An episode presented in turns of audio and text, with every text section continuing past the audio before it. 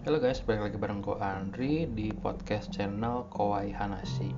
Nah hari ini saya mau membacakan uh, sebuah cerita. Ini bukan cerita horor lah ya, ini saya lebih uh, masukin ke kategori cerita uh, seram gitu ya. Tapi seramnya ini lebih ke psycho gitu ya, bukan ke hantu-hantuan atau setan-setanan gitu ya. Nah cerita ini saya ambil dari uh, Line Today gitu ya. Jadi uh, ada 10 part dalam uh, cerita ini, cuman uh, mungkin saya akan bagi menjadi tiga episode ya tiga atau empat episode. Kita lihat aja uh, waktunya gitu ya. Jadi satu episode saya targetin maksimal 30 menit. Nah judulnya itu adalah kontrakan angker. Kita mulai part pertama. Ditinggal sendirian. Aku Jason. Umurku baru 10 tahun Kedua orang tuaku sudah lama bercerai. Aku tidak tahu pasti alasan mereka berpisah. Ibu sudah punya suami lagi, sedangkan ayahku masih setia merawatku. Namun, akhir-akhir ini aku marah pada ayah, lantaran kami mau pindah rumah. Padahal aku sudah nyaman dengan rumah yang sekarang. Aku nggak mau ninggalin teman-temanku di perumahan ini. Alasan ayah pindah, katanya harga sewa rumah ini semakin naik. Ayah nggak sanggup buat bayar sewanya. Mau nggak mau, aku harus terima kenyataan ini. Berat sekali rasanya meninggalkan rumah ini, soalnya banyak sekali kenangan bersama ibu di sini. Pagi-pagi sekali, ada sebuah truk sudah terparkir di depan rumah. Pasti ayah yang menyewanya untuk mengangkut perabotan ke rumah yang baru. Kami akan pindah ke pinggiran kota, ke rumah kontrakan yang lebih murah. Selepas maghrib, Aku dan ayah tiba di rumah. Aku dan ayah tiba di kontrakan baru. Rumah itu tampak usang, seperti tidak pernah dihuni selama bertahun-tahun. Di beranda ada dua kursi yang terbuat dari kayu, juga jendela besar bernuansa Betawi. Ayah, serius kita mau tinggal di rumah ini? Tanyaku. Iya nak, rumah ini harga sewanya murah. Kita akan tinggal di sini untuk setahun ke depan, jawab ayah. Aku masuk ke dalam rumah itu untuk melihat-lihat. Ternyata di dalamnya tidak seseram yang kubayangkan. Rumah itu sudah ada yang membersihkan. Satu persatu perabotan kami diangkut. Ayah sibuk mengarahkan para pekerja agar hati-hati saat menggotong barang-barang yang mudah pecah. Sementara mereka sedang sibuk, kujelajahi setiap ruangan di rumah ini. Perhatianku terpikat pada sebuah kamar dekat dapur Kamar itu tidak ubahnya seperti sebuah galeri lukisan. Ada banyak sekali lukisan wajah manusia di kamar itu. Sebagian dipajang di dinding, sebagian lagi tergeletak di lantai. Aku tidak tahu siap, milik siapa semua lukisan itu. Wajah di lukisan pun berbeda-beda. Ada perempuan dan juga lelaki. Tapi dapat kupastikan kalau sosok dalam lukisan itu adalah orang Indonesia semua sebab mereka menggunakan pakaian adat dari berbagai daerah. Setelah puas melihat lukisan-lukisan itu, aku hendak kembali ke ayah. Tapi tiba-tiba terdengar suara seseorang bersiul. Aku segera menoleh. Kedua mataku menyoroti lukisan-lukisan itu. Aneh sekali, siapa yang tadi bersiul? Karena takut, buru-buru aku lari keluar rumah. Di ruang tamu, ayah sedang sibuk menata perabotan. Aku memberitahunya kalau ada kamar yang penuh dengan lukisan. Dia bilang itu lukisan milik pemilik rumah, dan aku dilarang menyentuhnya. Tadi ada yang bersiul juga ya, kataku. Salah dengar kali kamu, jawab ayah sambil sibuk membenarkan posisi lemari. Aku nggak salah dengar ya. Ya, mungkin saja ada burung lewat, jawab ayah sekenanya. Malam-malam begini, mana ada burung ya? Jason, daripada kamu ngomong yang enggak-enggak, lebih baik kamu mandi sana. Aku kesal karena ayah tidak menanggapiku dengan serius. Padahal jelas-jelas ku dengar ada yang bersiul. Tapi berka tanpa berkata apa-apa lagi, aku pun segera mandi. Air di rumah ini sangat segar. Kuguyurkan ke seluruh tubuhku. Selama mandi, aku masih penasaran dengan kamar yang penuh lukisan itu. Malam pertama tinggal di rumah baru Aku tidur di kamar yang dekat dengan ruang tamu. Entah kenapa aku nggak bisa tidur. Kunyalakan televisi dan mencari tayangan film Warkop DKI. Biasanya film komedi, biasanya film komedi itu tayang tengah malam. Dan benar saja, film Warkop DKI favoritku sedang tayang. Sesekali aku tertawa melihat tingkah Dono yang kocak. Lama-kelamaan kantuk pun datang. Aku tertidur pulas sedangkan televisi masih dalam keadaan menyala. Tengah malam, tempat tidurku menyembul ke atas seperti ada yang menendang dari bawah. Setelah ku periksa, tidak ada apa-apa di kolong ranjang. Aku lalu turun dari tempat tidur untuk menghampiri ayah. Kamar ayah ada di paling ujung dekat dengan pintu utama. Aku harus melewati kamar yang penuh dengan lukisan itu untuk sampai ke sana. Langkahku terhenti ketika mendengar suara gemuruh orang yang berbicara di kamar misterius itu. Pelan-pelan aku melangkah mendekati pintu, dan mengintip dari lubang kunci. Dari lubang kecil itu, kulihat penuh orang-orang asing yang sedang mengobrol satu sama lain. Wajah mereka pucat, bah bukan hanya wajahnya, tapi tubuhnya juga terkesan seperti orang mati. Salah satu dari mereka menoleh kepadaku. Buru-buru aku lari ke kamar ayah untuk memberitahunya, so memberitahunya soal ini. Ayah, teriakku. Tapi aku tidak dapat menemukan ayah. Di mana dia? Di atas mejanya aku temukan secari kertas yang berisi sebuah pesan dari ayah. Jason, ayah ada urusan mendadak. Jangan keluar rumah selama ayah pergi. Ayah akan segera pulang. Setelah membaca pesan dari ayah, tiba-tiba lampu kamar berkedap-kedip. Aku menelan ludah sendiri. Keramaian di kamar sebelah masih terdengar jelas. Bergegas, kututup pintu kamar dan mengunci diri di dalam. Aku naik ke atas tempat tidur ayah, lalu menutup tubuhku dengan selimut. Tak lama berselang, ku dengar suara langkah kaki berkerumunan di ruang tamu.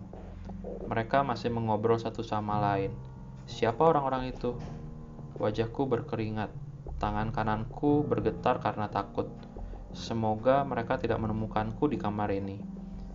Saat aku mencoba untuk kembali tidur, ada yang mengetuk pintu. Aku tidak mau membukanya sebelum mendengar itu adalah suara ayah.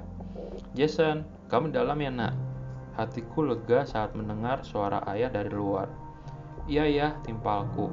Aku meloncat dari tempat tidur dan langsung membukakan pintu. Jason, kamu dalam ya nak?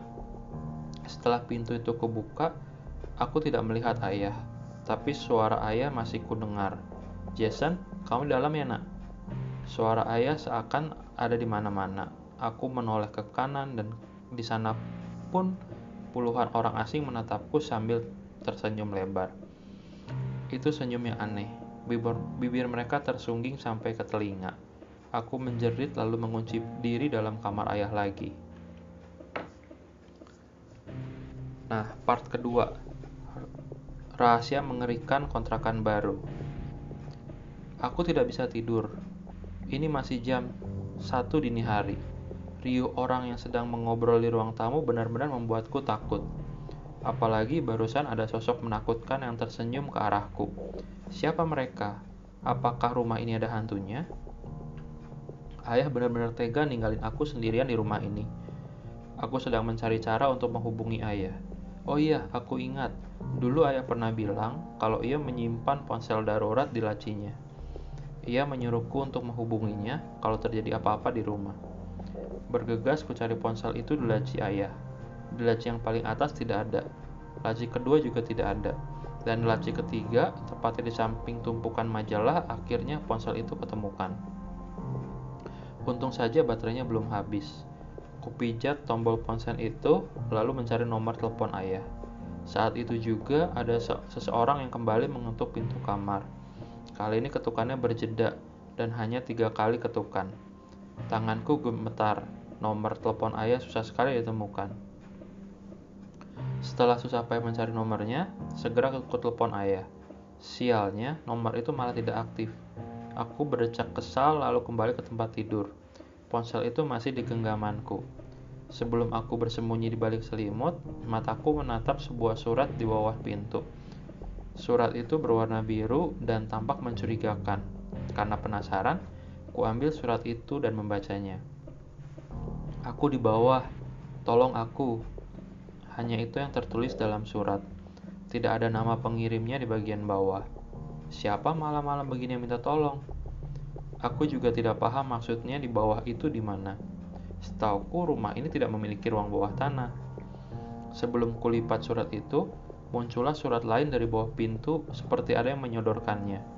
Segera kubuka surat tersebut dan lagi-lagi isinya hanya satu kalimat saja tanpa ada nama pengirimnya.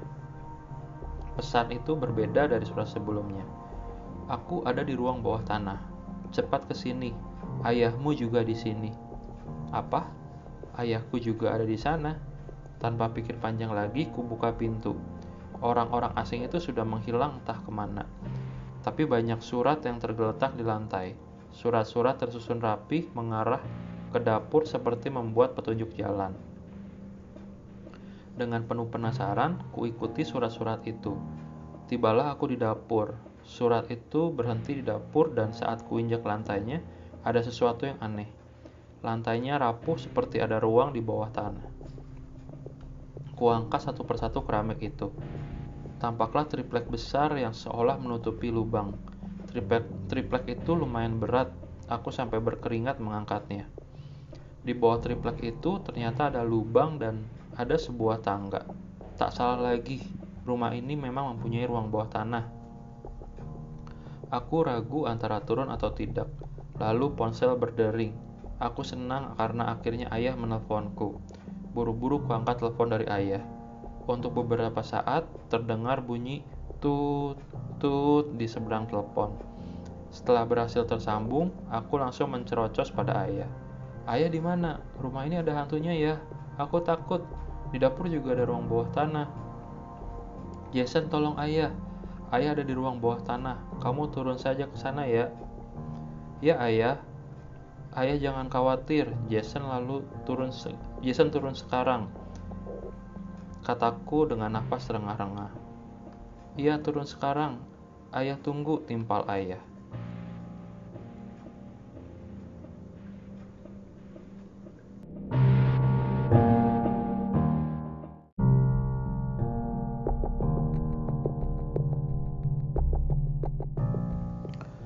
Telepon ditutup. Aku langsung turun ke lubang itu. Baru lima tangga ku turuni, dari atas kulihat ada ayah memperhatikanku.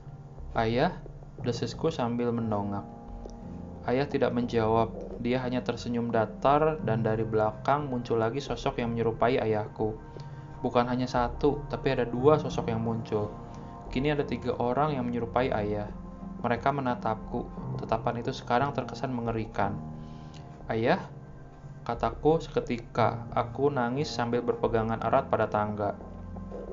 Aku tidak tahu apa yang harus kulakukan sekarang. Salah satu dari mereka malah menutup kembali lubang itu dengan triplek. Aku menangis jadi-jadinya sambil berteriak minta tolong ke ayah. Kini aku sendirian dalam lubang yang gelap dan lembab. Part 3 Hantu di bawah ruang bawah tanah dengan sekuat tenaga, kudorong triplek yang menutupi lubang. Sayangnya, tenagaku tidak cukup kuat untuk membuka triplek itu. Mungkin saja sosok yang menyerupai ayah menahan triplek dari atas agar aku tidak bisa keluar. Tidak ada jalan lain, aku harus turun ke bawah. Siapa tahu di bawah sana ada jalan keluar. Dengan sangat hati-hati, kuturuni satu persatu anak tangga. Lubang itu sangat gelap, kakiku harus meraba-raba agar tidak jatuh. Aku melihat sebuah cahaya, tidak salah lagi. Aku pasti hampir tiba di ruang bawah tanah. Dengan susah payah, akhirnya aku berhasil menuruni tangga itu. Sekarang aku berada di sebuah ruangan yang lebih layak disebut gudang. Ruangan itu cukup luas, banyak tumpukan kardus di mana-mana. Dengan penuh waspada, aku melalui aku mulai menelusuri ruangan itu. Apakah ayah tahu kalau ada ruang bawah tanah di rumah ini? Di sudut ruangan, kulihat seorang laki-laki berdiri membelakangiku. Dengan penasaran, perlahan aku mendekatinya. Dia mengenakan jaket hitam, topi, dan celana panjang berwarna hitam. Jadi kamu penghuni rumah baru ini? Lelaki itu membalikan badan. Dari wajahnya, aku bisa menebak kalau dia berumur sekitar 50 tahunan. Bapak ini siapa? Kok ada di rumah saya? Dia tersenyum sinis. Ini rumahku, bukan rumah kamu. Lelaki itu mendekat. Aku mundur beberapa langkah. Kata ayah, aku harus selalu berhati-hati kalau bertemu dengan orang asing. Jangan takut, aku bukan orang jahat. Dia mengambil kursi lipat yang tergeletak di, di lantai. Duduklah, aku mau ceritakan sesuatu padamu. Cerita apa? Tentang rumah ini, jawabnya sambil tersenyum. Tampaknya lelaki ini memang murah senyum dan ramah. Tak ada yang salah mendengarkan ceritanya. Sambil terus waspada, aku duduk di hadapannya. Bapak kenapa bisa di sini? Tanyaku. Sudah aku bilang, aku pemilik rumah ini, dan di sinilah aku tinggal. Aku masih bingung kalau dia tinggal di sini, kenapa ayah tidak memberitahuku. Rumah ini ada hantunya, Pak. Entah kenapa, tiba-tiba aku ingin menyampaikan pada si pemilik rumah. Itu roh orang-orang yang mati di rumah ini. Mati? Kenapa? Tanyaku penasaran. Mereka semua dibunuh, timpa lelaki itu. Salah mereka apa? Dan siapa yang membunuhnya? Aku sendiri yang membunuhnya. Karena aku tidak suka dengan tingkah mereka. Mendengar penjelasannya, aku langsung berdiri dan hendak menjauh dari lelaki itu. Tenang, aku hanya membunuh orang yang jahat. Sudah aku bilang kalau aku orang baik. Aku tidak akan menyakitimu, nak. Lelaki itu juga berdiri. Dia mencoba untuk menenangkanku. Aku harus naik lagi, mungkin ayah sudah pulang. Kataku lalu berjalan ke arah tangga. Ayahmu belum pulang, katanya. Dari mana bapak tahu? Tanyaku sambil menoleh ke arahnya. Ayahmu yang beritahuku. Laki itu naik ke atas kursi, aku tidak tahu apa yang dilakukannya. Bapak mau apa? Tanyaku. Sebuah tali jatuh dari atas kepalanya. Dia mengalungkan tali tersebut ke lehernya. Pak, jangan pak, teriakku. Aku menjerit melihat lelaki itu tiba-tiba gantung diri di hadapanku. Kedua matanya melotot. Kakinya bergerak-gerak. Air kencing mengucur dari celananya. Dia sekarat dan mati begitu saja. Buru-buru aku lari ke arah tangga dan langsung naik ke permukaan. Sambil menangis, aku memanggil-manggil ayah, berharap dia dapat dia dapat menolongku. Setibanya di puncak, Triplek itu masih tertutup rapat. Aku tidak bisa membukanya. Sementara itu, kudengar ada seseorang menaiki tangga. Itu pasti hantu. Ayah, tolong! Ayah! Teriakku sekuat tenaga. Ku coba mengetuk-ngetuk triplek tersebut dan perlahan ada yang membukanya. Tampaklah seorang lelaki yang wajahnya tidak asing. Ya, aku ingat. Dia adalah lelaki yang membantu ayah tadi siang. Ayo nak, dia mengelurkan tangan. Aku menyambut tangannya dan berhasil naik ke permukaan. Kamu kenapa bisa masuk ke sini? Tanya lelaki itu. Ayah, mana ayah? Aku tidak menjawab pertanyaan lelaki itu dan malah menanyakan ayah. Ayah kamu ke mana emangnya? Tadi aku lihat pintu rumah terbuka, makanya aku cek ke sini. Takutnya ada maling, ujar lelaki itu. Rumah itu rumah ini ada hantunya. Aku takut, kataku. Hantu? Dia mengerungutkan dahi. Iya, aku lihat hantu di rumah ini, kataku sambil terus menangis. Jangan khawatir, sekarang kamu aman. Aku akan menjagamu sampai ayahmu pulang, katanya. Ia menutup kembali lubang itu lalu membawaku ke ruang tamu. Malam itu terasa sangat panjang. Aku tidak tahu ayah di mana. Aku khawatir terjadi hal yang buruk pada ayahku. Sampai sini dulu untuk cerita kontrakan angker. Besok kita akan lanjut untuk baca part selanjutnya. Bye bye.